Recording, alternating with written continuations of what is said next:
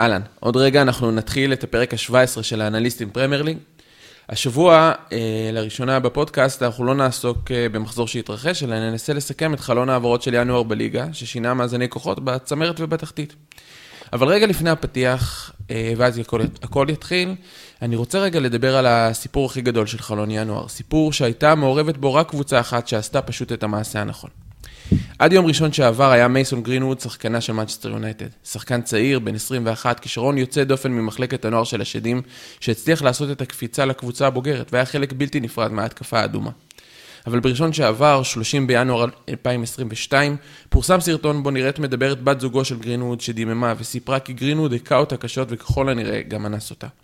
התגובה של המועדון לסרטון ולמעצרו של גרינווד כמה שעות לאחר מכן הייתה חד משמעית. השחקן הושעה מהמועדון עד להודעה חדשה. הובהר לו כי יונייטד לא תמנה לו עורך דין מטעמה, כפי שקורה בדרך כלל בהסתבכות פלילית של שחקן, וככל הנראה הוא בדרך החוצה מיונייטד, וכל זה כשעדיין אפילו לא הוגש נגדו כתב אישום. רגע לפני סיום החלון, ודווקא בעונה מאכזבת שלה מבחינה מקצועית, יונייטד אמנם החלישה את עצמה, אבל הוכיחה את אמות המידה הראויות ממועדון כדורגל של ממש.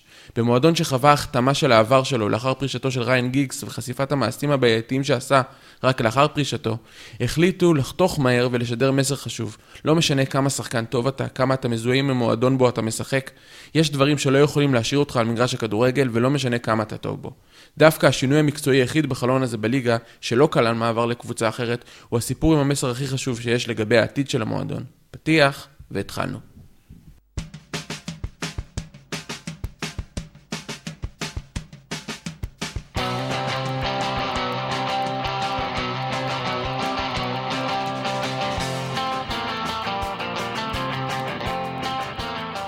אהלן, ברוכים הבאים לפרק מספר 17 של האנליסטים פרמייר ליג, והפעם, כפי ששמעתם בפתיח, אנחנו בפרק מיוחד לסיכום חלון העברות של ינואר בליגה האנגלית. אז אנחנו לפני שמתחילים, בואו נראה אה, את האנליסטים שלנו שינתחו את המעברים של השחקנים בצמרת ובתחתית. אה, ברצלונה פנו אליו ואמרו שמתגעגעים לשחקן שמחליט מתי לא בא לו לשחק ולהבריז מאימונים, אז הוא המליץ להם על אובמיאנג, זיו מלאכי.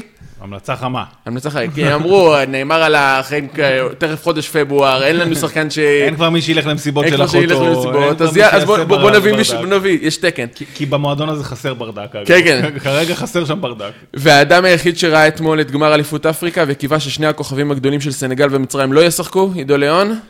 למה מצרים מגיעים תמיד להערכה, וזה תמיד באפס כן, כן, זה, זה גם תמיד הערכות, גם תמיד זה, גם בסופו של דבר הגיעו לפנדלים, לפחות צלח לא בעט את הפנדל. כי לטובה או לא לטובה. אמ, אז אנחנו כאן, כמו שאמרנו, לסכם את אה, חלון העברות של חודש ינואר, זה בפרק ראשוני שאנחנו עושים את זה. בואו נתחיל אה, מהעברה, אחת העברות הגדולות אה, מבחינה כספית וגם מעניינות בחלון הזה, לואיס דיאז. מגיע מפורטו לליברפול, בעצם שחקן יחסית מוכח בפורטו, גם בליגת האלופות ראו אותו משחק מול, מול ליברפול, אז מה, מה הוא יכול לתת לליברפול? אה, כן, אז לואיס דיאס, קולמביאני בן 25, אה, הגיע מפורטו אחרי ששיחק שני משחקים נגד ליברפול, אה, וקלופ גם אחרי המשחקים דיבר עליו על כמה שהוא אוהב אותו, ועוד מעט נרחיב אולי מה בשחקן... למה הוא אוהב אותו? כן, למה לקלופ כל כך מתאים לאהוב אותו. אה, שחקן מוכח זו עוד אה, מילה נראה לי שאפשר לחכות איתה. לא, אני חושב שמה שחמי מתכוון להגיד זה לא איזה כן, לא, פרוספקט לא- צעיר בין 20, 21. תכף אנחנו גם נדבר על שחקן שמגיע בגיל מאוד מאוד צעיר מליגה הרבה פחות אה, משמעותית מהליגה הפורטוגלית, ואז כאילו בעצם זה השוואה. עבר, מה שאני חושב שמה שהם יכולים להגיד, זה אגב, זה לא שחקן באיזה 20-21 שלא יודע איך הוא יתאקלם במדינה זרה, עבר את הקפיצה הזאת לכדורגל האירופאי, זאת אומרת פורטו, וזה לא כאילו מאחת כן. הליגות הבכירות, אבל עדיין עבר את הקפיצה הזאת. שיחק קצת בליגת האלופות. עבר את הקשיחות הזאת של אירופה, עבר הרבה יותר מוכח מאשר כן. שחקנים אחרים. Uh, לגמרי. לא, רק חשוב לומר, הוא אחרי כמה עונות ש... שראו אותו עולה כל פעם קצת ברמה, משתפר, והעונה זה באמת עונת הפריצה שלו. Uh, כבש כבר 20 שערים העונה, מעורב מאוד בהתקפה של פורטו, uh, ובואו נרחיב שנייה על, אולי קצת על התכונות שלו. המרכזיות, אז בעיקרון שחקן כנף שמאל, אה, משחק כמעט ורק בעמדת הכנף שמאל. אבל ימני, זאת אומרת רגל הפוכה. כן, משחק עם רגל הפוכה. אה, עוד מעט אני אדבר קצת על המשחק, אה, על ההופעת בכורה שלו נגד קרדיף, כי אולי היא מסמלת כמה דברים שיגיעו. שחקן מהיר, חזק, נראה בנוי טוב. דריבליסט מעולה, עושה המון תנועה לתוך המרכז, גם לעומק וגם פנימה, קצת כמו שמאני עושה לפעמים. כן. מזכיר מאוד בהרבה דברים את הסגנון הזה. שחקן שיוצר הרבה מאוד מצבים. אה, בישל שישה, שערי, בישל שישה שערים העונה, יצר 44 נכון. מצבים, אה, מאוד מעורב, 106 איומים, 45 למסגרת, זאת אומרת, מאוד מעורב, מאוד התקפי. היה הכוכב של הליגה הפורטוגלית כל העונה הזאת, ראו אותו גם בליגת האלופות, נותן את ההופעות הטובות. אה, ובנוסף לכל המכלול ההתקפי הזה, ואולי הדבר שהכי ברור שקלופ מחפש תמיד בשחקנים שלו, הוא עובד קשה והוא לוחץ המון. אה, היה אפשר לראות את זה כבר באמת במשחק, כשהוא עלה לשחק 30 דקות נגד קרדיף, שהוא בשער השני חטף את הכדור ברחבה משחקן יריב אה, בישל שער. אה, יהיה מעניין לראות אותו משתלב, על חשבון מי זה יבוא, איך זה יגיע. כן, חכה, עוד לפני מי זה יבוא ואיך זה, על, על חשבון מי, אני כן רוצה לדבר על כמה דברים שדיברת. אז קודם כל, אה, אני חושב שאחד הדברים שאני שמתי לב שקצת, אה, אה, בטוח קלופ אוהב אותם, הוא גם שחקן חכם. הוא עושה, הוא, הוא, כמו שאמרת, הוא, הוא משחק קו שמאל, אבל אה, נכנס אה, ימינה הרבה, בגלל שעוד פעם, הוא עם אה, רגל הפוכה, רגל ימין היא הרגל החזקה שלו. אני חושב שפה יש איזושהי אמירה מסוימת במה שקלופ מנסה לעשות, זאת אומרת, אלא אם כן הוא להפתעה, פתאום ישים אותו בקו ימין, אבל אה, עוד נראה לי ארוכה הדרך מזה שלואיס דיאז ידחוק את אה, סאלח החוצה מהרכב. אז, אז אני אומר שיש פה איזושהי, יש פה לדעתי, אה, מאנה עושה את זה הרבה פעמים, זה לא איזושהי הפתעה, אבל, אבל לואיס דיאס עושה את זה הרבה יותר חזק. ואני חושב שמה שרלוונטי פה זה איזשהו כלי שהוא שובר סגנון משחק, זאת אומרת, קלופ מחפש משהו אחר קצת ממה שיש לו בדרך כלל. מחפש לעשות גם לפעמים שיהיה לו איזה כלי לשינוי. כלי לבוא קצת הפוך, כלי לשנות, לבוא עם, עם, עם, עם כניסות פנימה. ראינו את זה, אגב, דיברנו על זה כל, כל המשחקים שהיו כשסאלח ומאן היו באליפות אפריקה, ש, שפתאום השלישייה הקדמית, שהיה שם את אה, אה, אוקס בצד ימין ואת אה, ז'וטה בצד שמאל, אני לא זוכר באיזה משחק זה היה, דיברנו עליו, תזכיר לי. במשחק לא האחרון. שלישייה, כן. משחק הליגה האחרון, כן, כן, שהשלישייה הקדמית הייתה צפופה. זאת אומרת, הייתה צפופה לכיוון פנימה המגרש, לכיוון פנימה הזה, המרכז המגרש. אז אני חושב שפה יש איזשהו משהו שהוא מנסה לעשות משהו הפוך. לא יודע מה, הפוך, כן? זה לא איזה... לא הפוך, אלא אופציה שהיא טיפה... אופציה, אופציה, אופציה שונה, אוקיי, לא הפוך, אחר. שונה. בואו, כן. המילה יותר שונה. כן. שיהיה לו כלי כזה שיכול לשבור קצת את המשחק אחרת, ויכול לסדר את המשחק קצת אחרת. אז זה דבר חשוב. הוא מסתדר גם עם העובדה שאם פירמינו עדיין שם, אז תמיד החלוץ יוצא ויש מקום להיכנס. שוב, מאנה גם עושה את זה, זה לא איזה משהו חדש כן. בליברפול, אבל אני חושב שהוא מאוד הולך להיות דומיננטי עם לואיס דיאז. כמו שגם ז'וטה עושה את זה שהוא יורד אחורה, אבל בסוף יש הרבה הבדלים בינו לבין פירמינו בחוד. אה, כן, יש הרבה דברים שמזכירים, וקלופ לא מביא עכשיו שחקן אה, לגמרי שונה שמשנה הכל, אבל הוא נותן משהו עם טוויסט אחר שעושה כמה דברים בצורה שונה. בדיוק. באמת הרבה הכניסות האלה לצד ימין, והתנועה לעומק, שהוא בדיוק. עושה בצורה מדהימה וחכמה באמת. אז זהו, תנועה לעומק זה דבר שני שרציתי לדבר עליו, הוא עושה תנועה מדהימה לעומק, קיבל המון כדורים לגולים ככה. אה, אז, אז זה גם דבר חשוב, אה, יכול לקבל מסירות, דיברנו על אה, אה, המסירות הארוכות של ונדאי כל העונה, דיברנו על תיאגו שיכול לתת את הכדורים האלה. יש מי שייתן לו כדורים, דיברנו על פיר, פירמינו יכול לתת את הכדורים האלה, יש מי שייתן כדורים. סאלח ראינו אותו יוצר הרבה מצבים. כן. אה, אבל סלאח יוצא אותם הרבה פעמים מתוך הרחבה, קרה גם שיצא למאנה, כן, נכון. קרה, קרה, אבל אה, בדרך כלל הוא יוצר מתוך הרחבה. נכון. כדורים שאנחנו מדברים עליהם שהוא קיבל אה, בדרך כלל דיאז היו כדורי עומק, כן. זה דבר שני. דבר שלישי, מה שלפחות אותי מאוד הרשים, זה שהוא אמנם יש לו את היכולת הטכנית והוא דריבליסט, אבל הוא לא מדרבל לשם הדריבל. זאת אומרת, רוב הפעמים שאני ראיתי אותו מנסה לדרבל, עבר שחקן, שחרר כדור. אה, וזה חשוב, זה, זה, אני חושב שאולי זה גם מתקשר למה שחלק מה שחמי אמר, עברת שלב הבגרות הזה שאתה בא מכדורגל דרום אמריקאי ואתה מדרבל להנאתך. כן, אבל יש לך את האלמנט. יש לך את האלמנט, אתה יודע לעשות את, ה, את, ה, את, ה, את הדריבל, אני אומר, ו- זה ו- זה טוב, ולה- זה עבר את האדפטציה כן, לכדורגל האירופאי, של כאילו, כאילו, בדיוק, של להגיע מזה למשהו, לעשות מזה משהו. הוא עושה את הדריבל לא לשם אה, לעבור עוד שחקן, אלא לשם מה הוא עושה אחרי הדריבל. בדיוק, הוא יוצא- הוא הוא פתח איזשהו שטח והוא מוסר הלאה. הוא עושה את זה גם הדריבלים- בצורה מעולה, יש לו 254 דריבלים העונה, ב-63 אחוזי הצלחה. זאת אומרת, נכון, הוא גם 60. יודע לעשות את זה בצורה טובה, אה, ובאמת מרשים החוכמה כן. הזאת, או הבגרות נקרא לזה, לדעת לשחרר כדור כשצריך. מסכים. אה, מבחינת אה, קצת איך הוא השתלב עם הקבוצה, או שרגע, אה, כן, דיברנו על הדברים האלה, אז תשמע, לי נראה שכשהוא יגיע, באמת, זה, זאת אומרת שהוא ישחק, זה ישחרר את, אה, אז, אז דיברנו קצת על כניסות למרכז, זה משתלב קצת, זה משתלב עם פירמינו והתנועה שלו, זה משתלב עם הכדורים הארוכים של אה, תיאגו ושל אה, אה, ונדייק. ומה שכן זה יעשה, זה שוב דיברנו הרבה על uh, מבנים אי- אי-סימטריים, אז אם בקו ימין ישחקו טרנט וסאלח באותו משחק, uh, וישחקו על הקו ספציפית, אז בקו שמאל יהיה משהו אחר קצת אה, אי-סימטרי, באמת די דומה למה שראינו במשחק ליגה האחרון שז'וטה uh, כן. היה שם, אז תהיה כניסה מצד שמאל פנימה, ורוברטסון... Uh, אה, ורוברטסון אה, יוכל, לשרוף את הקו. יוכל לשרוף את הקו, ישתחרר לקו. אה, אז זה נראה לי דווקא, שוב, זה חלק מהאלמנט השונה הזה שראינו אותו קורה ב- כשל- ש- שהחבר'ה היו באליפות אפריקה, ושאני חושב שקלופ מחפש. קלופ מחפש לתת איזשהו טוויסט אחר, אז פה אני חושב שזה כן יהיה, ו... ומעניין אם רוברטסון ייקח את ה... שוב, רוברטסון זה לא איזה שחקן מהנוער, שחקן שכן הוכיח כן. את עצמו, אבל האם הוא ייקח את הקו הדומיננטי הזה עד הסוף כשהוא משחק שם? שהוא כבר במגמת שיפור במחזורים האחרונים. רוברטסון הרבה יותר מעורב התקפית, נראה הרבה יותר מרוכז הגנתית. אה, יש לך עוד מה להוסיף? כי...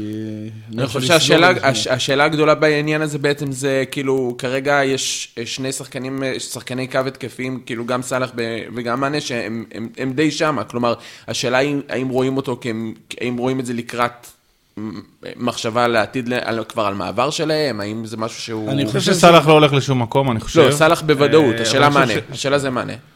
מאנה, אני חושב שקודם כל היו דיבורים, אבל אני, קש- קשה להיכנס לספקולציות. אני חושב שבסופו של יום, אנחנו כבר איזה שנתיים, שלוש, נראה לי, מדברים על העובדה שבליברפול אה, תמיד יש בעיה אם סאלח או מאנה ייפצעו, ואם אחד מהם אה, לא יוכל לשחק.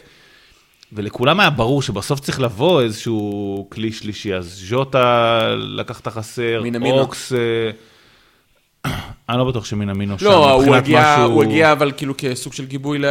אחלה, אבל הוא לקדימה, לא כן. הוא לא ב-level הזה. לא, הוא לא ב-level. אני חושב שיש כמה דברים, גם באמת מה שאתה אומר, של לתת עומק של לגבי אם צריך לפציעות, אבל גם מה שאנחנו רואים הרבה פעמים, שלסיטי יש את האופציה לעשות, ואפילו למנצ'סטר יונייטד או לצ'לסי יש, ולליברפול אין, וזה בדקה 60, כשלא הולך במשחק, להוסיף כוח התקפי שהוא לא אוקס, או איזה מישהו שאתה אומר, טוב, זה ירידה ברמה ואני אשנה קצת. זה עוד שחקן, פתאום יש לך עוד שחקן בהתקפה, קצת גיוון, כמו שסיטי מה, יכולה לעלות מהספסל פתאום, שחקנים כמו ברנרדו סילבה או ריאד מארז להתקפה שלהם. גם ליברפול צריכה שיהיה לה את העומק הזה לשנות משחקים, חד משמעית. ללכת דרך צ- כיוונים אחרים. אה, אני רק אסגור ואגיד אה, כמה מילים שכן יהיה מעניין לראות. אה, בנוגע למשחק האחרון שהם שיחקו נגד קרדיף, בשנייה שארווי אליוט ולואיס דיאז חזרו, אה, עלו לשחק, הם נכנסו ביחד. אה, ראינו שלישייה קדמית של פירמינו, ז'וטה ולואיס דיאז. וזה נכון שזה לא סאלח, זאת אומרת, זה לא יהיה השלישייה, אבל באמת היה אפשר לראות אותם מאוד מאוד מאוד צפופים, כמו באמת שראינו כשליברפול שיחקה עם אוקסלי צ'מברלן בשלישייה הקדמית, שראינו את השלישייה מאוד מאוד צפופה ואת הקווים יותר נשארים למגנים. אה, אז יהיה מעניין לראות את זה, וגם ראינו את ארווי אליוט, שאם אתם זוכרים, היינו מדברים עליו בתחילת העונה הרבה, על המשולשים בקו ימין, ושהוא הולך המון לקו ונותן... זה אה, הולך לתת משולשים בקו שמאל. אה, לא, יכולת. אה, לואיס דיאס אתה מדבר. כן. כן, לגמרי, אבל מעניין לראות האי-סימטריות האי- שדיברת עליה, לראות אולי פתאום הרכב עם לואיס דיאז והארווי אליוט, שהארווי אליוט מהקישור לוקח המון לימין, נראה טרנט פתאום בפנים, לצד בכלל לואיס דיאז שנכנס משמאל, יהיה פתאום הרבה יותר אה, קצת peppy אצל קלופ, ו- ויהיה מעניין לראות. תראה, אני, עוד נקודה ממש קטנה שאני חושב שלא בשבילה הוא הובא, אבל רק כדי לזכור את זה, הוא ימני. בסוף, אם סאלח נפצע, או סאלח צריך לנוח, הוא גם יכול לשחק בקו ימין. הוא לא שיחק שם הרבה זה לא, באירופה אגב, נראה לי שבקולומביה הוא כן שיחק. קצת, לא הרבה. גם, גם, גם בליגה הוא בעיקר משחק על קו שמאל. נכון, אבל עדיין, הוא שחקן ימני, הוא יכול לתת גם מענה לאיזה מנוחה של 30 דקות לסאלח, כש... כשסאלח, אה, אתה יודע, לא יודע, מובילים 2-0 ורוצים דקה 60 להחליף ולתת איזשהו מישהו בקו ימין שם, הוא גם יכול לתת את זה. נכון, אז הוא יכול לווסת עומסים לא רק בקו שמאל. למרות שעוד פעם, אני חושב שאנחנו לא נראה אותו בקו ימין, זה כן יכול לתת למשחק הזה. זאת אומרת, את ג'וטה יש יותר סיכוי שנראה בקו ימין, בטח את מאנה, שבכלל כשהגיע שיחק בקו ימין, אה, בליברפול. אה, זאת אומרת, זה ייתן את האופציה הזאת. דווקא הוא, מתוך כל השחקנים של ליברפול בהתקפה, קצת נראה לי הכי מקובל לקו שמאל, באמת בגלל הרבה מהדברים שאתה אומר שהוא עושה יותר טוב, התנועה לעומק וכאלה שיהיה פח, יותר קשה לעשות בקו ימין, וגם בגלל שקלופ, נדיר שהוא משחק עם מישהו עם רגל חזקה על הקו, בגלל באמת שהחלוץ שלו לרוב יורד אחורה ונותן לשחקנים אה, בקווים אה, להיכנס. פחות מאמין, שאני, מאמין שנראה אותו, ואם כן, אני מאמין שזה מאנה שהוא גם טיפה יותר טוב בשני הרגליים, למרות שגם לואיס דיאז מעולה בזה, וגם אה, רגיל לזה יותר.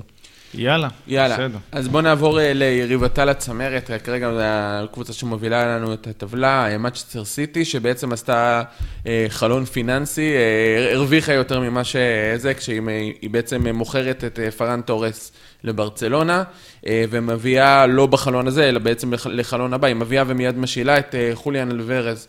אה, חלוץ המאוד צעיר והמאוד מעניין, אולי החלוץ הכי גדול אה, בליגה הארגנטינאית, אבל עדיין, זה הליגה הארגנטינאית, כלומר דיברנו מקודם, אם דיברנו קודם אה, אצל דיאז על, על זה שהוא עשה את הקפיצה שלו לאירופה, פה בעצם מצפים לא רק לעשות את הקפיצה לאירופה, אלא קפיצה לאחת מקבוצות הטופ של אירופה. מביאים חלוץ, כלומר עמדה שכל ה... כל, כל הפרקים שלנו על הסיטי בעצם דיברנו על כך שזאת עמדה שהיא תורנות מתחלפת. מה בעצם מנסה להשיג פה? אז, אז ככה, קודם כל מסכים איתך, אה, ובדיוק אמרנו, בניגוד ללואיס דיאז, הוא יותר צעיר, הוא עוד לא עבר אה, מעבר לליגה אה, אירופאית, אני אפילו לא אגיד בחירה, אבל אירופאית, וזה משנה וזה מעניין. ואני חושב שאגב, חלק מהרכישה הזאת, וזה מה שסיטי עושה בתור מדיניות, כבר עשתה את זה פעם, היא קונה ונותנת לך איזה חצי שנה רגע להתכונן. עכשיו, מה זה להתכונן? זה לא שאתה עכשיו, אה, לא, לא תמיד אתה יכול להתכונן כשאתה לא משחק עם ה... ב-level הזה או בליגה האירופאית, אבל היא כן נותנת לך שנייה להבשיל עם, הקנייה הזאת, גם לשחקן עצמו, אני חושב שזה מהלך מאוד מאוד חכם. בוא נתחיל מזה. אה, אני גם חושב שהיא היא לא רואה את עצמה עושה את השינויים האלה באמצע העונה, ופפ מרוצה מה שיש לו ביד. אה, אבל דיברנו הרבה באמת על אה, המ- המחסור בחלוץ מספר 9 אצל פפ ואצל סיטי, ועל פניו נקנה חלוץ 9 אה, קלאסי לסיפור הזה. כשאני מסתכל על חלוץ 9 קלאסי, יש, יש שני חלוצי 9 שהם אה, קלאסיים, אחד כזה יותר לואיס סוארז לבנדובסקי style בתחילת הקריירה שלו, אה, כזה תשע גדול, חזק, פיזי. אני אומר לבנדובסקי style בתחילת הקריירה שלו, כי עכשיו הוא כבר הרבה פעמים יורד אחורה, מתחיל מאחורה את המהלכים, אבל יותר חלוץ פיזי כזה שאתה לוקאקו, שאתה שם, שם בנוכחות. ויש חלוץ תשע אינזאגי style כזה, אחד שחי בתוך רחבת החמש. שמגיב, שמגיב כאילו לכדורים. מגיב, אז אני הסתכלתי קצת על כל הגולים של אה, חוליאן אלוורז האחרונים, כולם דחיקות מתוך החמש, אה, כדורים קטנים כאלה, מלא מלא ריבאונדים של השוער. כאילו אם היית שואל אותי איזה חלוץ אה, פפ הכי ירצה, לא בטוח שזה הסטייל שהייתי שם, כאילו קצת אה, מצחיק מבחינת התאמת סטייל. אה, אגב, זה לא אומר עליו שהוא פחות טוב או רע. לא, זה פשוט או- עניין של... שאצל פפ אנחנו רגילים לחלוץ ש- שעושה לחץ, שיודע, שיש אז, אז דווקא. בלחץ הוא עושה, הוא עושה, ראיתי אותו לוחץ, את ההגנה, אז זה דווקא הוא עושה, אבל, אבל מה שכן, הוא פשוט, אה, וזה אולי כן משהו, המקום שהוא מתאים לסיטי, לי יש הרגשה שדה בריינה והוא זה כאילו חלום. הוא תמיד אה, מתפנה לעצמו, יוצר לעצמו איזה מצב, אה, אם כל התקפה הולכת קדימה, הוא הולך טיפה אחורה, אם כל התקפה הולכת אחורה, הוא הולך טיפה הצידה, הוא מוצא את עצמו כל הזמן איפה שהוא... מתמקם נכון. מיקום אדיר, כאילו באמת אדיר. אה, וזה מה שמביא לו בסוף את כל הריבאונדים וכל הדחיקות האלה וכל ה... ובקבוצה כמו סיטי שמגיעים להמון הזדמנויות, וגם סיטי אה, ממלאת שחקנים ברחבה, השחקן הזה שיודע להתמקם נכון ולהיות באזור הזה, הוא זה שגם. יגיע אליו הכדורים, בטח בקבוצה כמו סיטי. אה, זה יכול לעבוד. העניין המפתיע זה באמת מה שאתה אומר, כאילו המעבר משנייה, זה שעושים אה, תורנות על מי החלוץ, ותמיד זה מישהו ורסטילי, וכל אחד ברור מאוד לאן הוא לוקח את זה, והוא לוקח אחורה והוא הולך הצידה, לפתאום חלוץ תשע. זה פשוט אז מעבר פה, אז חד. זהו, כזה. פה, פה נגיד, אני לא יודע, דיברנו המון בתוך העונה הזאת על כל חילופי המקום בסיטי, פה נגיד, אני לא יודע כמה הוא מתאים לכל חילופי המקום האלה, זה בדיוק מה שאתה אמרת עליו, בדיוק המעבר ממשהו מאוד אה, פלואידי למשהו שיש חלוץ 1-9 קלאסי, מעניין.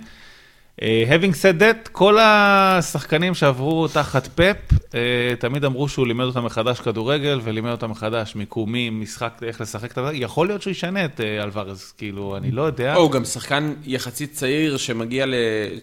שוב, יש, יש, הוא דורך בנעליו של שחקן ארגנטינאי אחר, הוא אחד הגדולים אולי בהיסטוריה של סיטי שהיה שם, לפניו, שזה הגוורו. כן. אה, אבל, אה, אבל, אבל כאילו בסופו של דבר הוא עדיין צעיר אה, ועדיין יכול אה, להשתנות, ופפ, אה, ראינו את זה כאילו בהרבה מאוד דוגמאות שהוא לוקח שחקנים אה, אה, שמשחקים בצורה מסוימת ומכניס אותם לסוג של מחבה של איך, ש, איך שהוא משחק, ולך תדע, אולי הוא כמו גבריאל ג'סוס יעבור פתאום לקו, ופתאום...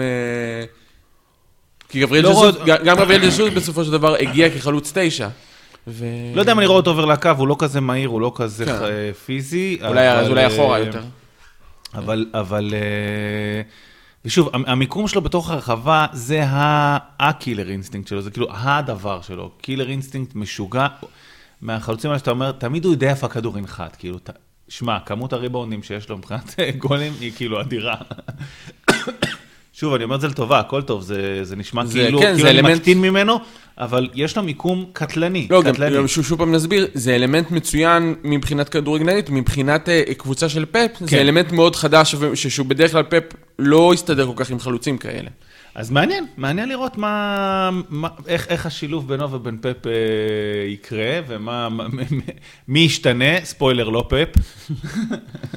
אה, אבל, אבל מה שכן שמתי לב, שהוא גם מאוד חכם בתנועה שלו ובמסירה שלו. הוא, הוא, אגב, כמו שהוא יודע למצוא את המיקום שלו, שזה מאוד, אה, עושה את זה מאוד בחוכמה, אה, הוא גם, הוא גם מבין ויש לו ציפייה מהשחקנים לידו, שיעשו את אותם דברים והוא יודע למצוא אותם. אז דווקא בהקשר הזה הוא כן מתאים לסיטי, אתה יודע, למצוא שם את סטרלינג, את גריליש, את דה בריינה, את אה, גונדואן, אה, יהיה, יהיה, את מי לחפש ולמצוא את אה, ברנרדו סילבה.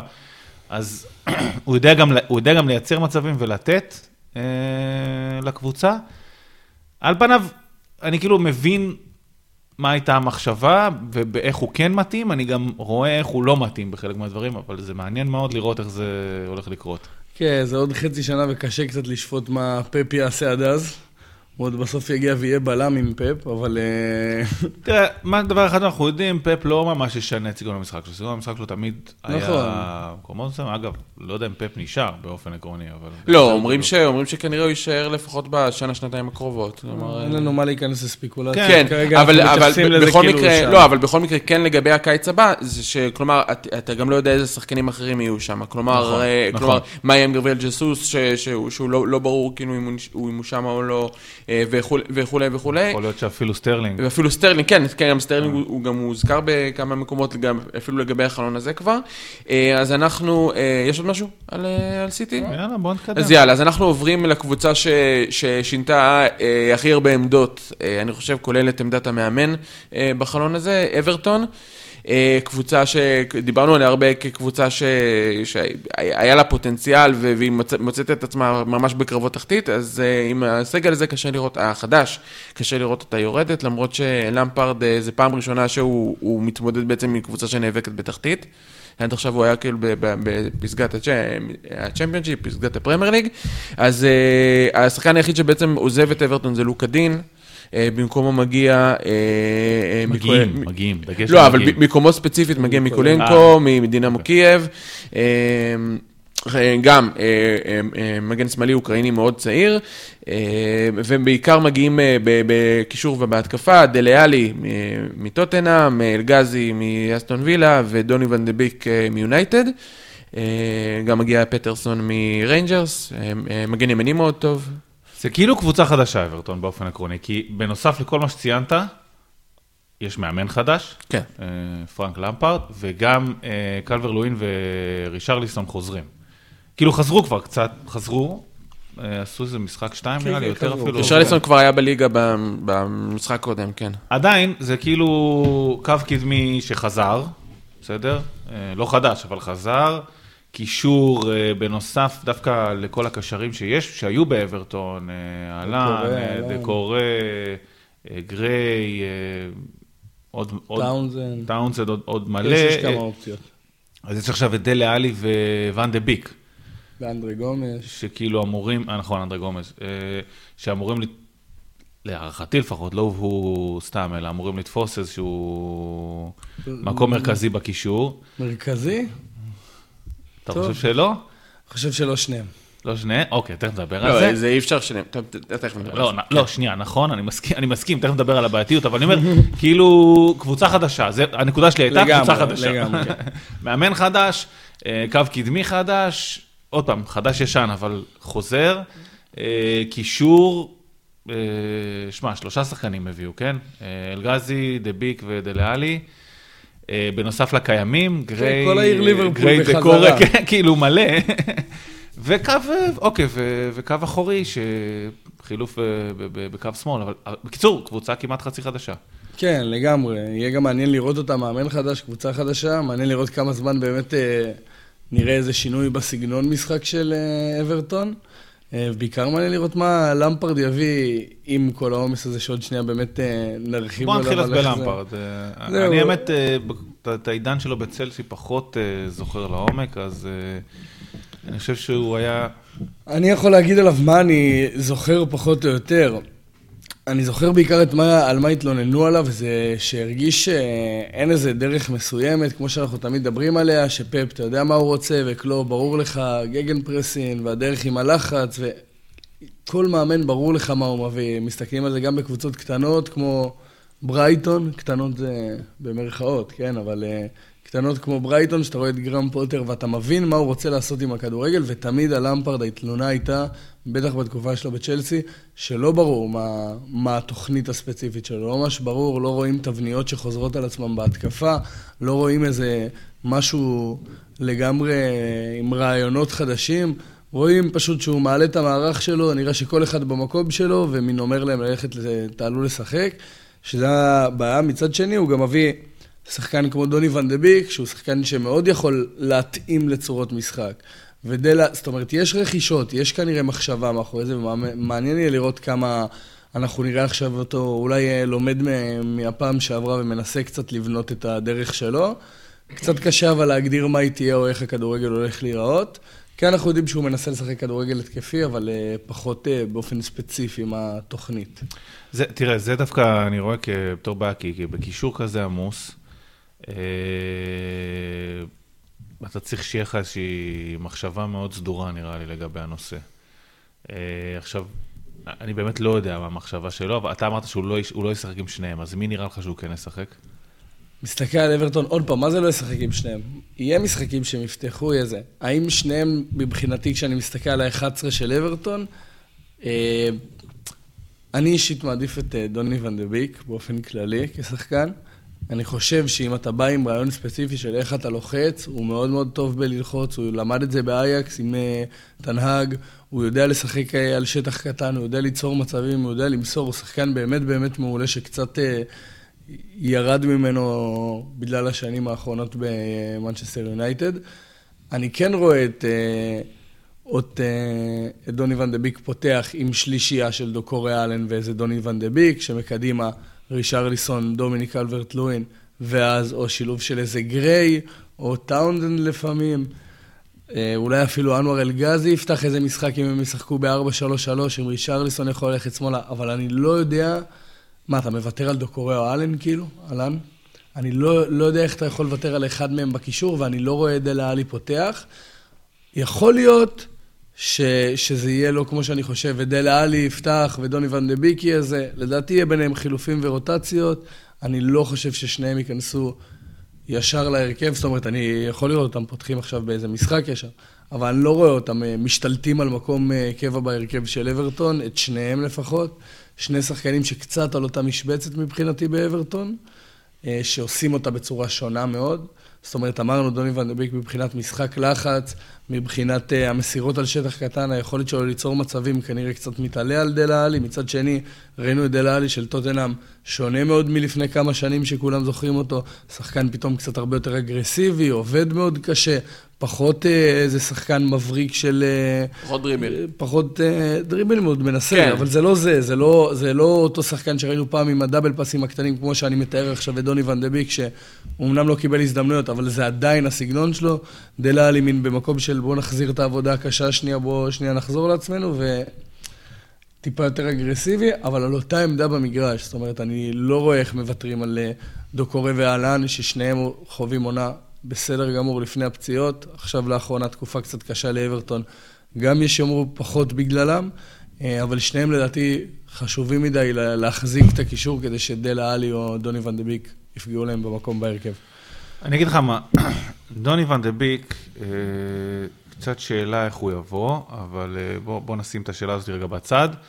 אה, אני חושב שהוא כן, יש לו מקום שם. אני חושב שהוא, מה שהוא נותן, אה, גם ברמה אולי של לדחוק את אחד מהם החוץ, הצידה, החוצה, אני לא יודע, אבל אה, היכולת שלו להניע כדור טיפה, לייצר מצבים, ללחוץ, לתת את כל הלחץ, למצוא את השטחים, הוא מוסר אדיר, כאילו, אתה יודע, הוא לוחץ גם טוב. ראינו בקטעים שהוא נכנס פתאום ביונייטד, שהוא מאוד מאוד תרם מבחינת הנעת הכדור קדימה, ואני חושב שזה כן... אה, לגמרי, אני מסכים. יש לו גם יכולת, אגב, לסיים. אני הסתכלתי סתם על הסטטיסטיקה הר... הרלוונטית האחרונה שלו, שהוא היה באייקס, ולא בכל טיול ביונייטד, כי הוא לא שיחק הרבה. סיים 12 שערים, תשעה בישולים, את אותה עונה. אה, יש לו גם את היכולת לבוא מאחורה ולהצטרף ולתת את הסיומת הזאת, אז יכול להיות שהוא, שהוא כן אה, ייכנס. אני, אני חושב ששניהם לא נקנו סתם. אה, אולי רישרליסון נמצא את עצמו יותר בקו שמאל, למרות שבקו שמאל עכשיו אני חושב שגם ככה יש לחץ עם גריי ואלגזי. כן, אבל רישרליסון נפתח.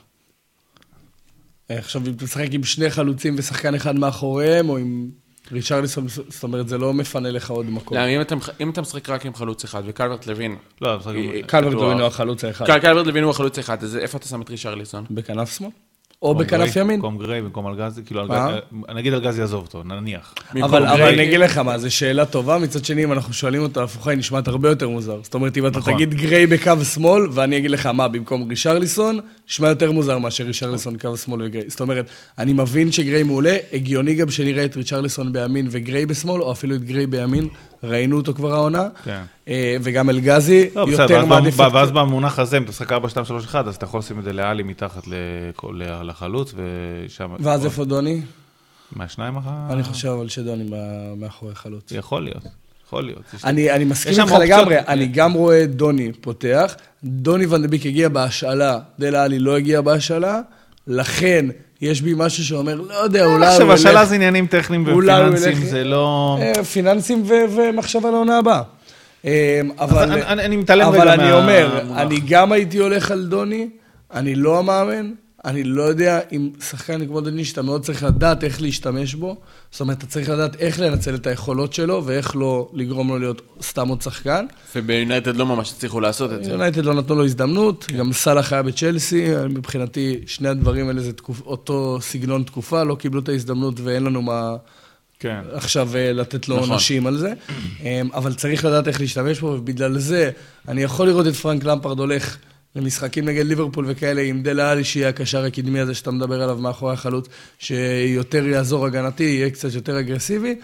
אני לא חושב... גם אה, דה ביק הוא לא, הוא אגרסיבי לא, הוא אגרסיבי לגמרי, אה, בסדר, זה הסגנון השונה מבחינתי. כן, גם ברמה, לדעתי, דוני ון דה רמה מעל דלה אלי כרגע. אני גם חושב. אבל... אבל עוד פעם, אני יכול לראות כמה משחקים שדוני על הספסל ודלה פותח, אני יכול לראות גם משחקים ששניהם, אני לא רואה את שניהם בהרכב ביחד, אני כן רואה אחד מהם בערך תופס מקום, אני גם חושב שזה דוני ון דה ביק, אבל עוד פעם, מאמן חדש, אנחנו קצת אה, מעורערים לגבי הסגנון משחק שלו, וצריך לתת את זה שבוע-שבועיים, ואנחנו כנראה נדבר בקרוב. פתאום ימצא את עצמו באגף ימין, אתה יודע, הוא משחק כאילו... במקום מי? במקום גריי? במקום רישרליסון? שאלה קשה. זו שאלה טובה, מצד שני, שני... לא, מצד שני, כמו, כמו שאתה אמרת, באמת, הם, אה, הוא מגיע כהעברה חופשית.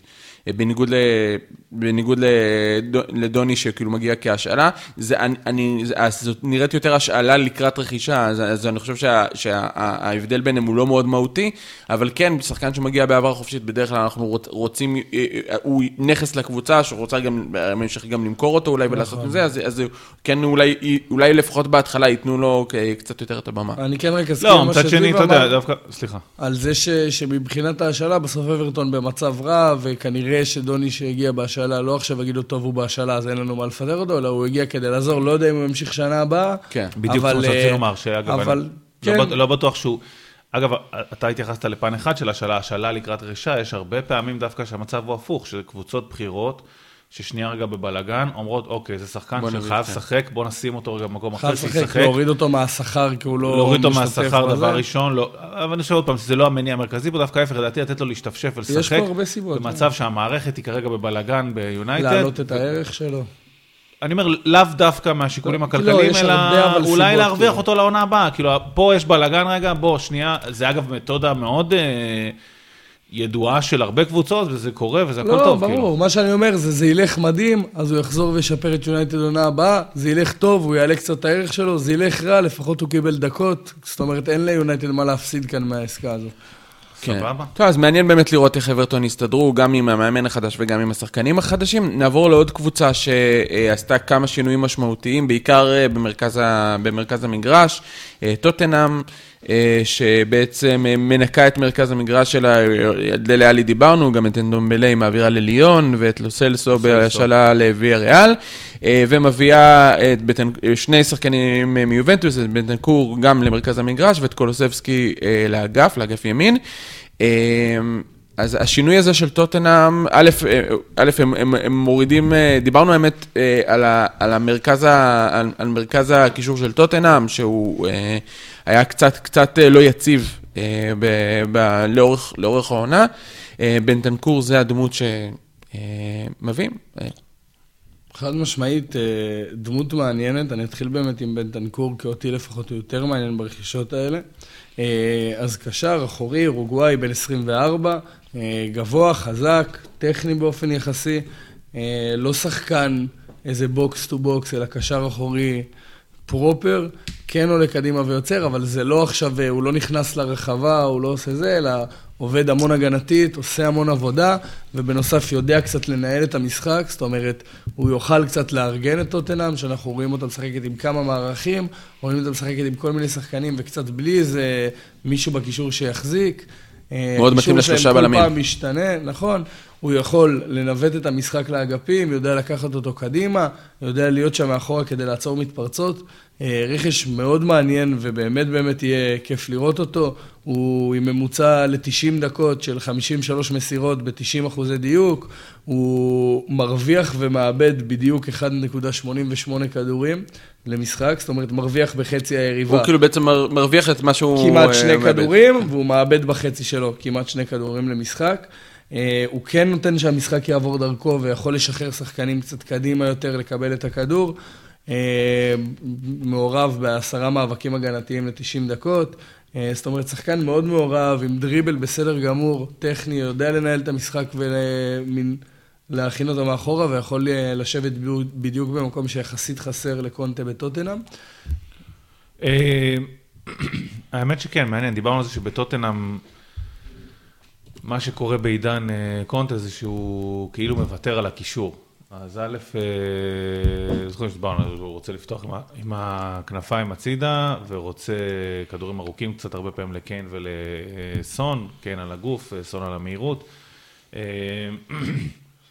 אז א', האקט הזה של אה, שלושה שחקני קישור שהולכים, זה קצת כן מגבה את הקו הזה, וזה כן, אה, אני חושב עוד פעם, במערך הזה של אה, שלושה בלמים, שאו שאתה עושה 5-3-2, שלושה קשרים, תכף נדבר על זה, או 3-4-3, שזה שני קשרים בכלל, הקשרים הם מאוד מרכזיים בעצירה של היריב, כי הרבה פעמים שחקני אגף למעלה ואתה צריך איזשהו מישהו שיעצור, ובזה בן דנקור נראה לי טוב.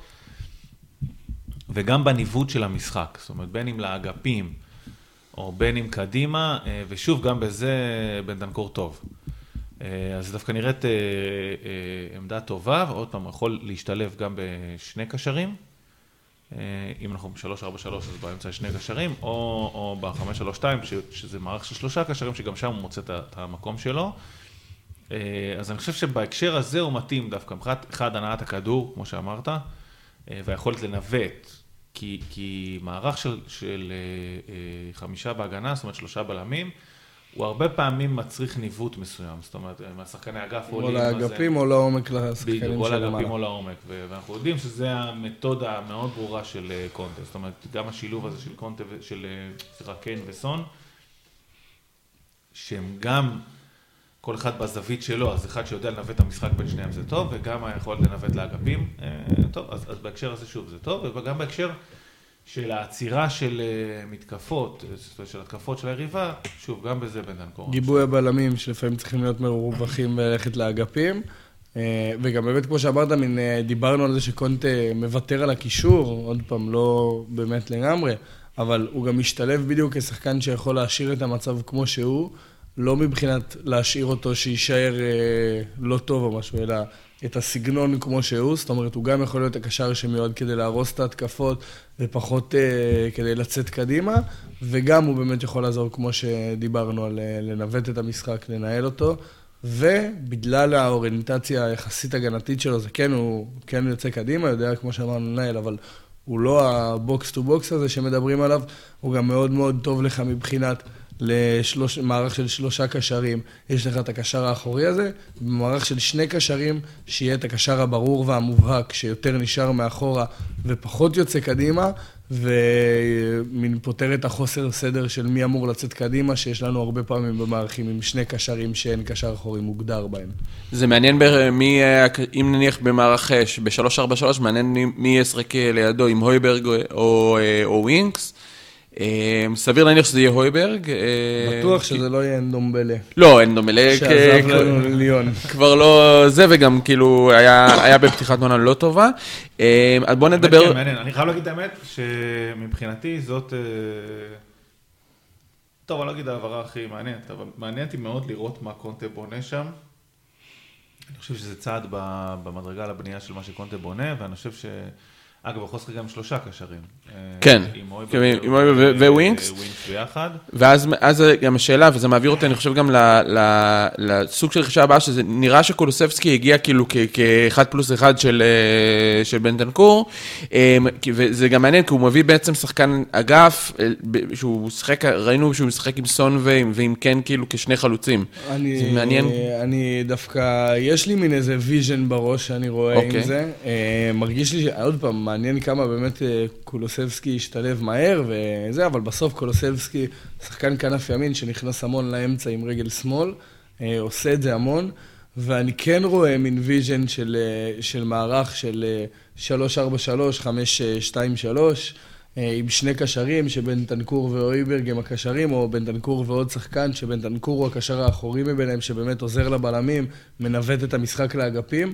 עם המגנים שעל הקווים, ראינו את אמרסון רויאל, את רגילון, אה, שעולים קדימה והם צמודים יותר לקו, ואז אה, שלישייה קדמית של קיין, שראינו אותו עושה את זה הרבה לפני כמה עונות שיורד טיפה אחורה, וסון וקולוסבסקי עם אה, רגליים הפוכות שנכנסים כן. פנימה, ובנטנקור שמחזיק לו את הקישור עם עוד איזה קשר.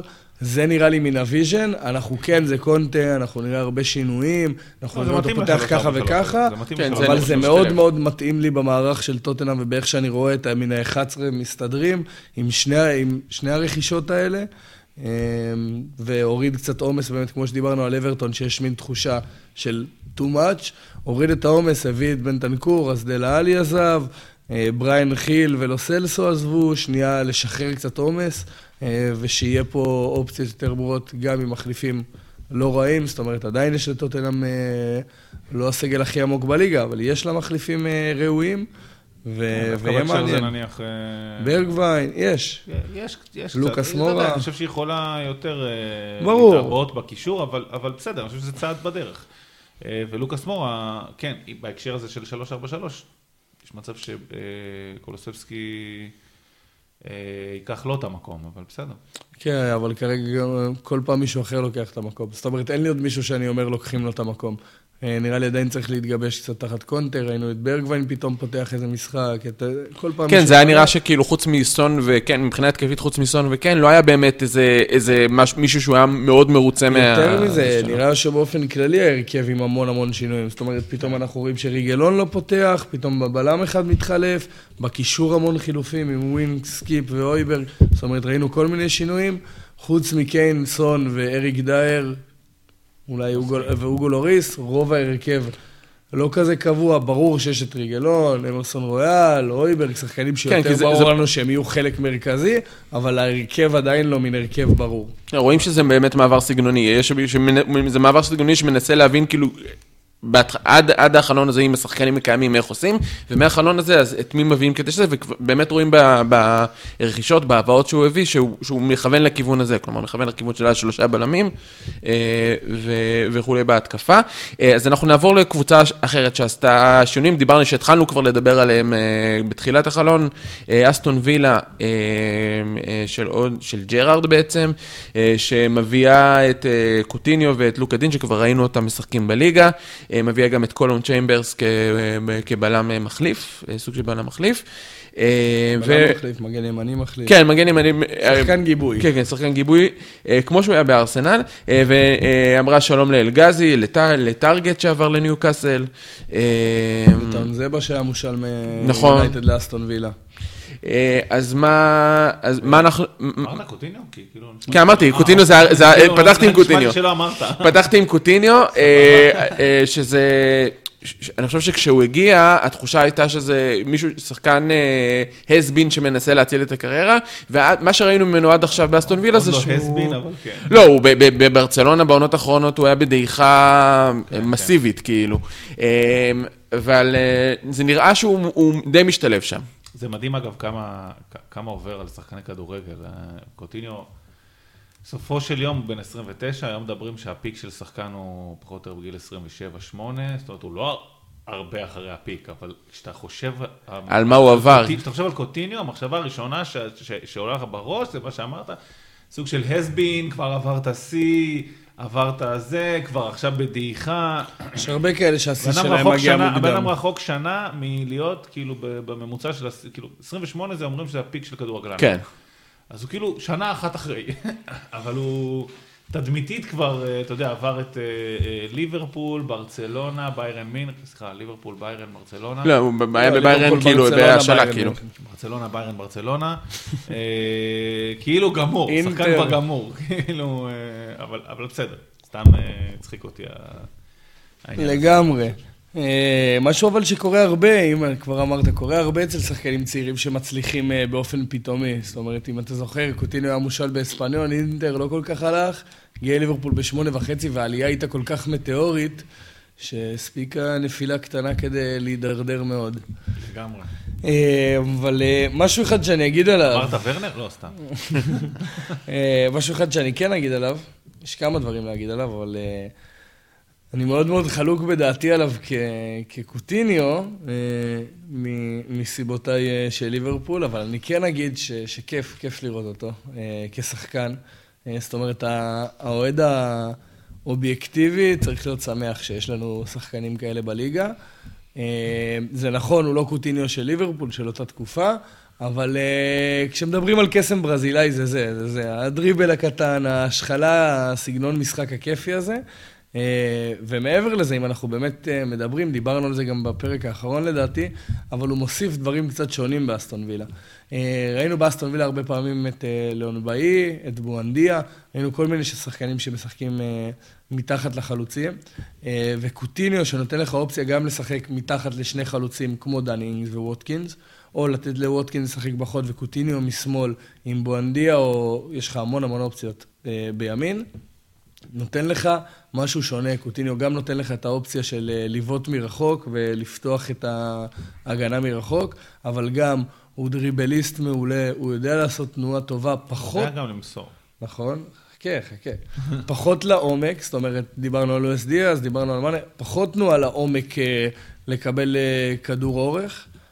אבל, אה, אבל להגיע לשטחים, למצוא לו את השטח ולשחרר כדורים בשנייה לחלוצים שעושים תנועה, ובגלל זה הוא כל כך מתאים לשחק או עם חלוץ מהיר כמו ווטקינס, או מתחת לשני חלוצים, אה, יכול להיות טוב מאוד. בנוסף, הוא גם יודע להצטרף לרחבה, ראינו את זה בשער שהוא כבש בשער הבכורה אה, נגד יונייטד, בתיקו 2. וזה משהו שבואנדיה, נגיד, מהעמדה שלו, פחות עושה.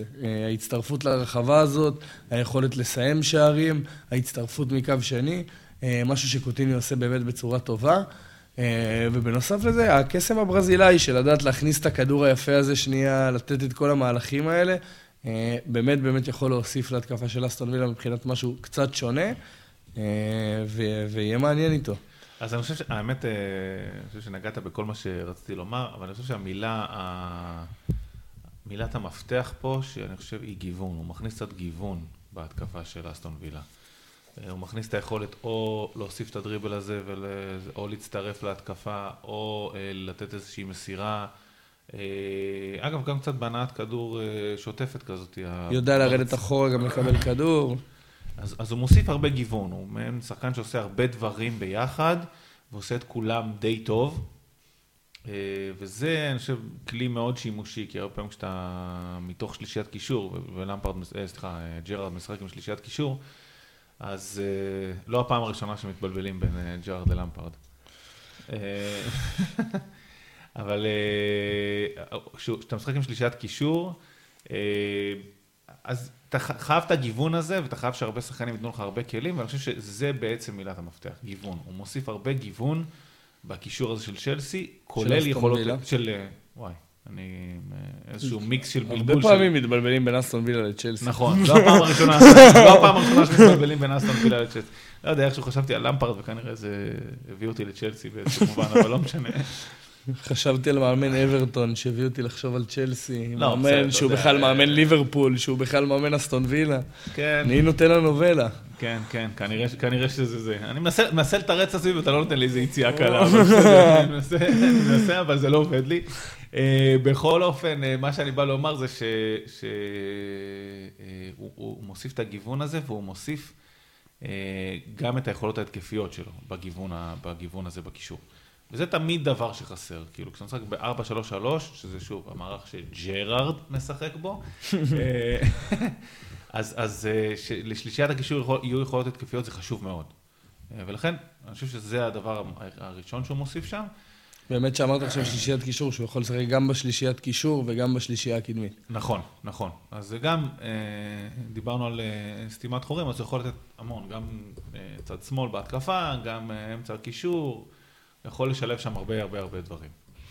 טוב, אז אנחנו לקבוצה האחרונה שנעריך, שנעריך על החלון הזה שלה, קבוצה שכולנו ציפינו שיביאו הרבה מאוד רכש. אה, כי נכנס להם תזרים מזומנים אה, די בלתי נגמר אה, בחודשים האחרונים, ניו קאסל, שאומנם ממוקמת עדיין, עדיין ממוקמת מתחת לקו? כן. כן, ממוקמת מתחת לקו. כל הטבלה אבל היא הזויה קצת. כן, זהו, אנחנו לא, לא התייחסנו בכלל לטבלה בכל הפרק הזה, אבל אנחנו, אנחנו אולי נתייחס לזה בפרקים של, של משחקים. אבל מביאה יותר, משקיעה יותר מ-100 מיליון יורו ברכש, שבראשו ברונו גימרייש. אה, מיליון, אה, ווד אה, מברנלי, טריפייר מבלבאו, את ברן מברייטון, וכמובן את טארגט מווילה.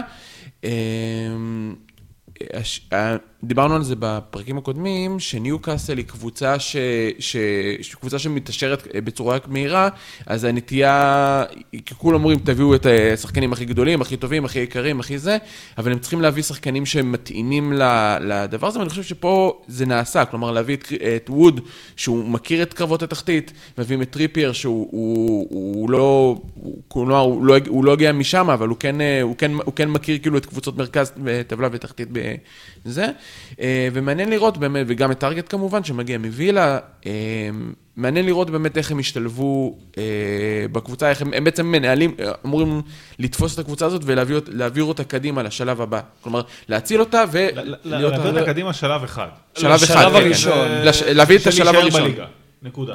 לא, אתה רואה, אתה, אני כן רואה את גימרייש ווווד משתלבים בהמשך במשהו שהוא... עוד פעם, המחשבה, אין ספק שהמחשבה אולי רק אצל ברונו גימרייש היא לעכשיו, גם- גם- היא לעתיד. גם קריס טריפייר, גם ווד טריפייר אולי. וטריפייר, שני שחקנים, קריס ווד בן 30, טריפייר בן 31. זה לא מחשבה לעוד חמש שנים, זה מחשבה של אנחנו לא נרד העונה ליגה וזו המטרה היחידה. ברונו באמת סיפור קצת שונה, אבל גם הוא שחקן מאוד מאוד איכותי, ודווקא מכולם עליו הוא אותי הכי מעניין, לא בגלל הגיל, שהוא בן 24 דרך אגב, לא בגלל זה, אלא באמת, כי הוא דבר שהכי חסר לניוקאסל, זאת אומרת, משהו שמביא, אה, מישהו שמביא משהו שונה לגמרי, ועוד שנייה אני ארחיב קצת עליו. אה, אבל באמת, הם מביאים שני מגנים עם טיפה יותר ניסיון בליגה האנגלית, מאט טארגט, מגן מעולה, מוכח, מגן שמאלי, יודע לעשות את העבודה ההגנתית שלו בצורה טובה מאוד, ובנוסף יודע לתרום התקפית. גם טריפייר יודע שמגן שיודע לעשות כן. עבודה הגנתית טובה מאוד, יודע לתרום בהתקפה, אצל שניהם, בעיקר אצל טריפייר, זה לא המגן ההתקפי, הריס ג'יימס טרנד, שאתה אומר, וואו, איזה יכולות התקפיות, אבל שניהם יודעים לעשות את זה, טארגט יודע המון לתמוך, טריפייר יש לו כדורים מעולים, גם מצבים נייחים, ובעיקר יציבים ואמורים לאזן ולעזור להגנה. אה, קריס ווד, חלוץ ברנלי הכי קלאסי אי פעם. אפשר גם לדבר על זה שברנלי הביאו את החלוץ ברנלי החדש שלה. כן, הביאו את קריס ווד אה, 2. את קריס ווד 2, את אה, ווז ווזוש, שאני באמת לא. לא יכול אה. להגיד את השם שלו בצורה נכונה. אה, גם חלוץ מטר 97, שדרך אגב, שנייה בוא נפתח את זה, מה אחוז אה, מאבקי האוויר שלו? של, של החדש? של? החדש, של ורסחוט? של ורסחוט, מטר 97. בליגה הגרמנית. בטח נמוך, אני אלך על זה, כי אתה... אני הופתעתי, אני הופתעתי. הוא לא, עם- יאללה. הוא עם 44 אחוזים, לא רע, אבל לחלוץ מטר 97, לא רע, אבל. לא רע, לא, ממוצע מאוד. לא, את לא. ציפית לה הרבה יותר נמוך. אני חשבתי לא, על 20 ההפך, ומשהו, כן. אני ציפיתי ליותר נמוך. ליותר נמוך? אני אה. אסביר לך למה. לא, דיברנו על זה, לוקקו, כדורים, אתה לא עם הפנים, ברור. לא, לא בגלל זה. כי כשיש לך, כאילו, חלק מה שאתה אומר, כשיש לך שחקן כזה, נוטים לשלוח לו מלא כדורים. וזה... אה, מה זה סטטיסטיקה? זה בדיוק, זה, הסטטיסטיקה כאילו קצת משקרת פה, כי שולחים לו כדורים הרבה יותר קשים שלא היו שולחים בכלל לחלוץ אחר. ואז הוא, זה, זה כדורים שהרבה יותר קשה להשתלט עליהם. זה כמו שהרבה פעמים תראה איזשהו אה, בלם שיודע למסור מעולה, עם אחוז מאוד נמוך בכדורים ארוכים, כי הוא מנסה כדורים חבל. נכון, אבל אז יש- אותו דבר פה הפוך. נכון, אבל יש גם להגיד- שלדעתי בחיים לא היו שולחים לחלוץ אחר, בחיים. אין ספק, אבל כשאתה לא מגיע לכדור, או כשאתה לא מוסר מדויק, אתה עדיין מנצח את המאבק. אה, זאת אומרת, המאבק זה רק מי הגיע לכדור ראשון, שפה אתה כן מצפה. אני לא, מבין- לא נכון, אם הכדור, אם הכדור לא יורד לשחקן שלך או לא יורד לזה, זה נחשב, זה נחשב אה, אה, כישלון. כמעט בטוח אני- שלא. אני טוב, נברר שכן, על זה, ניתן עדכון. ואז- ואז זה דווקא כן שם בקונטקסט מה שאני אומר, כי שולחים לו כל מיני כדורים. נכון, אם כן- אם כן אתה בהם, צודק לגמרי. איכשהו מצליח לגעת בהם ומאבד אותם, וזה נחשב... לא, אם כן אתה צודק לגמרי, נבדוק, נבדוק. בכל מקרה, בוא נחזור לניוקאסל. כן, אז זהו, אז על... דווקא היה כיף, אחי. כן. אז ברונו, קשר אחורי, בן 24, גילוי נאות אגב, אני מטר תשעים ושבע ואני עם אה, סטטיסטיקה יותר נמוכה במאבקים של אה, אוויר. או-אה, כן, או-אה, סתם. מטר תשעים ושבע? אני מטר תשעים ושבע, כן, אבל... אה, זה לא נש- זה לא נשמע לא- את בסאונד, כן. זה לא נשמע בסאונד, את הסטטיסטיקה, אין לי סטטיסטיקה של מאבקי אוויר. הנתונים נלקחו מוויקיפדיה. כן. אז ברונו, קשר אחורי, הגיע מיליון, שטוטנאם שלחה לה את המחליף עם אנדומבלה. מטר שמונים ושתיים, שחקן, לא איזה שחקן גבוה מדי, לא נמוך, שחקן מבחינה אתלטית נראה ממוצע. אה, מה שכן, עובד מאוד מאוד קשה, יודע להצטרף טוב מאוד למשחק הלחץ, אה, ובעיקר, הוא מאוד מאוד יודע לתמוך ולחלק את הכדורים, קצת כמו פביניו, אני אקרא לזה, בקישור האחורי של ליברפול. זאת אומרת שאתה לא אומר, זה גם, כמו שאמרתי מקודם, box to box או משהו כזה, אבל הוא כן יודע לחלק את הכדורים, לנווט את זה כמו שדיברנו על בנטנקור, אבל גם לת, אה, לתת כדורי עומק מעולים, הוא כבר עם חמישה בישולים העונה, שזה הרבה מאוד לקשר אחורי, שלא לוקח אה, מצבים נייחים. הוא יוצר יחסית, אה, יחסית הרבה מצבים פר 90 דקות. יוצר אה, חצי מצב פר 90 דקות, זאת אומרת, כל משחק, כל שני משחקים יוצר מצב, שזה גם נתון יפה. הוא יודע, אה, הוא דריבליסט יחסית טוב, שיעזור מאוד לניוקאסל נגד לחץ, והוא טכני וטוב מאוד עם הכדור, שזה משהו שקצת היה חסר לניוקאסל. יש לה את הג'ון ג'ו שלווים שלה, יש לה את השחקנים שבקישור, אין לה אבל אף אחד שהוא גם טכני וגם יודע לעשות את העבודה ההגנתית כקשר אחורי. אה, והוא נותן משהו שונה מאוד ויהיה מעניין, בטח בקבוצה שלא מחזיקה המון בכדור, אין לה הרבה מי שיחזיק לה בכדור, קבוצה שהרבה לוחצים אותה ולא מצליחה להחזיק, שחקן שגם יכול להניע את הכדור וגם יכול להיות עוד קשר אחורי הורס, נקרא לזה, אה, וזה חיסרון שהיה לניוקאסל מרכזי מאוד מבחינת מרכז הקישור שלה. יש פה באמת כמה שחקנים שמאוד מעניין אותי להבין מה הולך לקרות אותם. כאילו, אה, טריפייר, אתה יודע מה אתה הולך לקבל פחות או יותר. אז זה כאילו, פחות או יותר. אני, אני, גם, אני גם די בטוח שאתה יודע, הוא, בא בתור איזשהו סוג של מניה בטוחה כזאת, של אתה יודע מה תקבל כן. קו ימין. טארגט, אגב, זה מאוד מעניין, אם הוא יגיע לקבוצה, עזוב עכשיו, בשנה הבאה ניוקאסל תיראה אחרת, היא תהיה יותר, אה, יותר טובה כאן, ומעניין אותי לדעת אם זה התחלה של בנייה של מגן שמאלי חדש פה, אה, שהוא כאילו... יהיה מהמובילים, אז uh, מעניין. או שזה כאילו בנייה של uh, לסתום חור שם כרגע לצד שמאל. אבל יש לנו הרבה מעברים עם המגנים השמאליים. יש כן, מגנים השמאליים. הרכישות האלה, אני חושב עוד פעם, אה, אולי גימרס, סבבה, אני מקבל כל מה שאתם אומרים, הם, המטרה שלהם היא להשאיר את ניוקאסל ב-. בליגה, זהו. אני מזכיר, סיטי, כשהגיעו כשהגיע הכסף הגדול, אני חושב, בין שתי הרכישות הראשונות שנעשו זה אה, גיא אסולין וטל בן חיים. אה, כן, יחד עם- רוביניו גם. ורוביניו, כן, כן, כן. נכון, זה היה כאילו, לא משנה, מה שאני בא לא, הנקודה היא שסיטי... שאכזב פחות או יותר, כמו... שסיטי גם בשנתיים הראשונות, גם. בשנתיים הראשונות של סיטי, אה, הרכש אה, היה רכש שלא היה דווקא, לא דווקא הצעיד אותה קדימה, אלא- דווקא יותר מיקם אותה. לא, סיטי בעונה הזאת לא הייתה צריכה להינצל מהאליפות. לא, היא לא, לא כן. הייתה. לא- ניוקאסל מירידה- צריכה לא, לא, ברור, ברור, מירידה. אני לא משווה בין הדברים. לא, אני איתך דווקא. מה שאני אומר, זה ש- שבזמנו, דווקא אני חושב שהרכישה של טל בן חיים וגיא אסולין לא הובאה כדי להישאר בליגה או כאיזה פלופ ידוע, היה ניסיון לצעוד קדימה. מה שאני בא להגיד זה שהרכישות. האלה, כשהן נעשות, הן נעשות כרגע ללא מנהל טכני, ללא מנהל מקצועי מסודר, ללא... ו- ועוד פעם, פה בעיניים אפילו יותר מובהקות, אתה לא מביא את כריס ווד בתור איזו הבטחה לעתיד, אתה לא מביא את קיריאן טריפייר בתור איזו כן. הבטחה לעתיד. אולי מאט טארגט, אולי אה, אה, גימרס, שוב, הקבוצות ייראו שונה לחלוטין, עוד שתי, עוד שתי עונות זאת לא תהיה אותה ניוקאסל, אבל עדיין, המטרות פה הן להישאר ליגה, לעצור רגע את הברוך הזה שקורה, שוב, ניוקאסל במקום האחרון, אבל עם משחקים חסרים. אחד לפני האחרון. אה, סליחה, אחד לפני האחרון, היא- לא יודע אם משחק חסר, האמת היא... ניוקאסל פחות חסר לא. נכון, נכון. אה, ברנלי אחריה עם שני משחקים חסרים. אה, אני מצפה שאתה יודע, הם כנראה יעברו את המאבקי הישרדות האלה. זה שאלה, ומי לא יעבור? יש יש פה שאלה. פש, מעניין מאוד. זו שאלה מאוד טובה. כן. אברטון? אני חושב שנוריץ'. לא, אבר- נוריץ' לא וווטפורד תעבור. נוריץ' ווטפורד וברנלי. לא, ברנלי, זו שאלה טובה מאוד, כי, כי שוב פעם, יש להם כל כך הרבה משחקים חסרים, ש, שאתה לא יכול כאילו להגיד, אה, אתה לא יכול לדעת אני באמת אף פעם מה לא יקרה. יודע, עוד פעם, זה עובד לטובתך או לא לטובתך. לא, הזה. לא משנה, אבל מבחינה סטטיסטית אתה עוד לא יכול לדעת מה יהיה. אתה לא יכול לדעת אם ברנלי בכלל אה, כאילו ב- מבחינה במקום סטטיסטית הזה. אתה לא יכול לדעת מה יהיה גם אה, גם- במחזור אגב, גם לידס 30, ו- גם לידס אבל יהיה וברנטפורד מעניין. לא מחוץ לעניין. נכון, לידס כן. וברנטפורד לא מחוץ, השאלה אם ניוקאסל מצמצמת תשע נקודות. שאלה, אה, יהיה מעניין, יהיה מעניין עד סוף העונה, ונראה לי אנחנו בהשערות שהשתנו עוד שני מחזורים בערך. לא, כן, אבל ברנטפורד גם שתי משחקים עודפים על כל התחתית. עם 23 כן. משחקים, אז זה כאילו... יהיה מעניין, יהיה מעניין. זה מאוד מעניין, ובאמת כל הסיפור הזה של המחזורים הלא סדורים האלה, וכל הקבוצות שאתה לא יודע איפה הם בכלל מבחינת הטבלה, בתכלס, זה משבש מאוד. אה, יהיה מעניין לראות באמת אה, אגב, את במילה, ניוקאסל. ברנפורד הביאה את אריקסן. כן, תכף, תכף נגיע, נעשה מעבר מהיר על העברות, אז בואו באמת נתחיל, נתחיל מזה, עבור, בקטנה, אה, משפט פה, משפט שמה. אז אתה תיתן על אריקסן ואני אתן לשחקן אחר, ואז... יאללה. בסדר. מעולה. ברנדפורד מביאה את אריקסן אחרי, אחרי יותר מחצי שנה שהוא לא שיחק, את המשחק האחרון של אריקסן אני מניח שאנחנו כולנו זוכרים.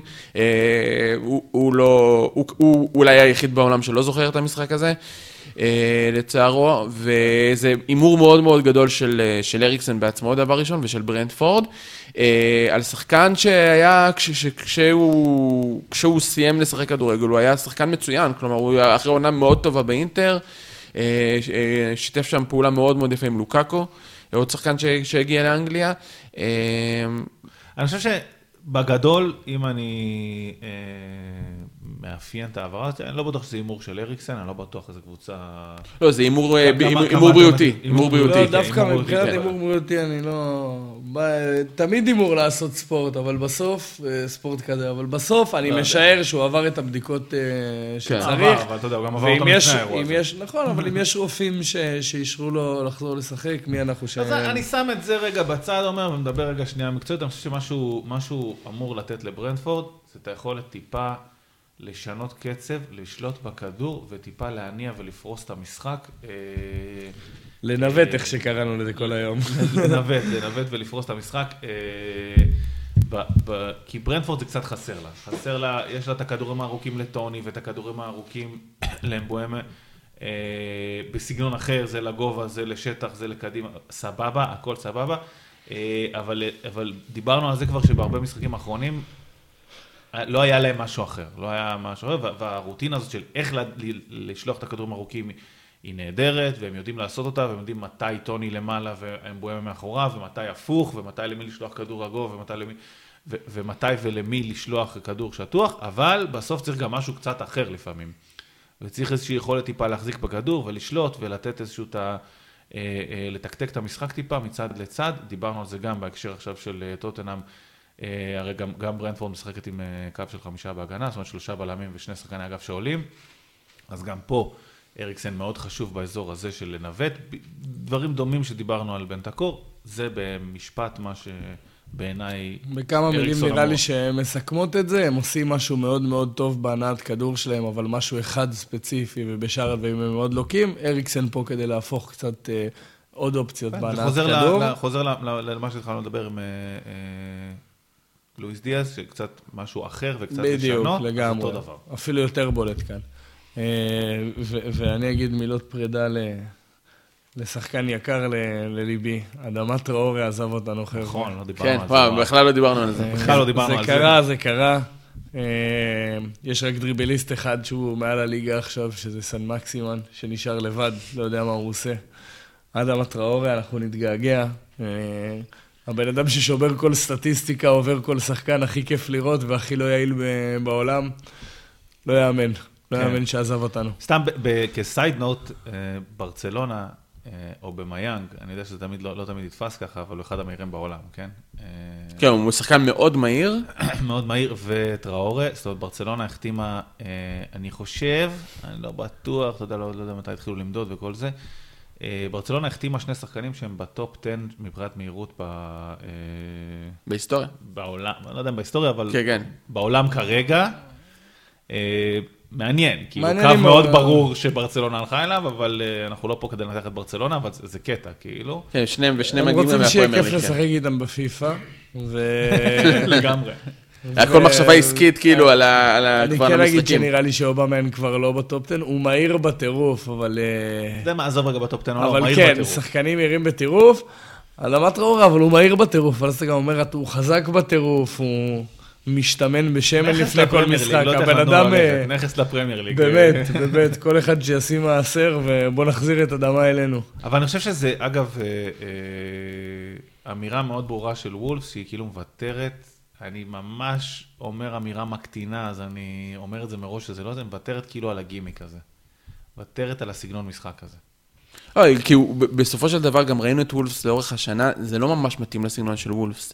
זה לא ממש כאילו, הם לא, הם הם מחפשים שחקנים שיותר יודעים למצוא, למצוא כאילו... אה, השאלה הוא, הוא במסירות. שחקן טוב, זה, זה מאוד כבר לא אנליטי ונכנס לזה, אז אני אגיד ממש קצר, אבל השאלה אם אתה לא צריך אולי אה, לפחות לנסות לבנות את ההייפ סביבו עוד פעם לפני שאתה מוכר אותו. כי לפני שנה היה תקופות שהם היו יכולים למכור אותו גם ב-80, והיה דיבורים על זה. אה, נכון. והוא שחקן שמאוד קל לו לעלות את ההייפ עליו, כי הוא צריך שני שערים בערך כדי פתאום עוד פעם שכולם ידברו עליו כהכוכב של הליגה. אה, too late לזה, נראה. כן, בסדר. כן, אני. חושב שזהו, כבר לא, הם הבינו שכבר זה כבר לא יקרה כנראה. טוב, אז אה, זה פחות או יותר כל ההעברות הגדולות אה, שהיו בחלון ינואר. אנחנו נהיה גם בשבוע הבא כדי לסכם את המחזור הבא של הפרמייר ליג. תודה זיו, תודה עידו. תודה לכם. אנחנו נהיה בשבוע הבא, נתראה. אחלה.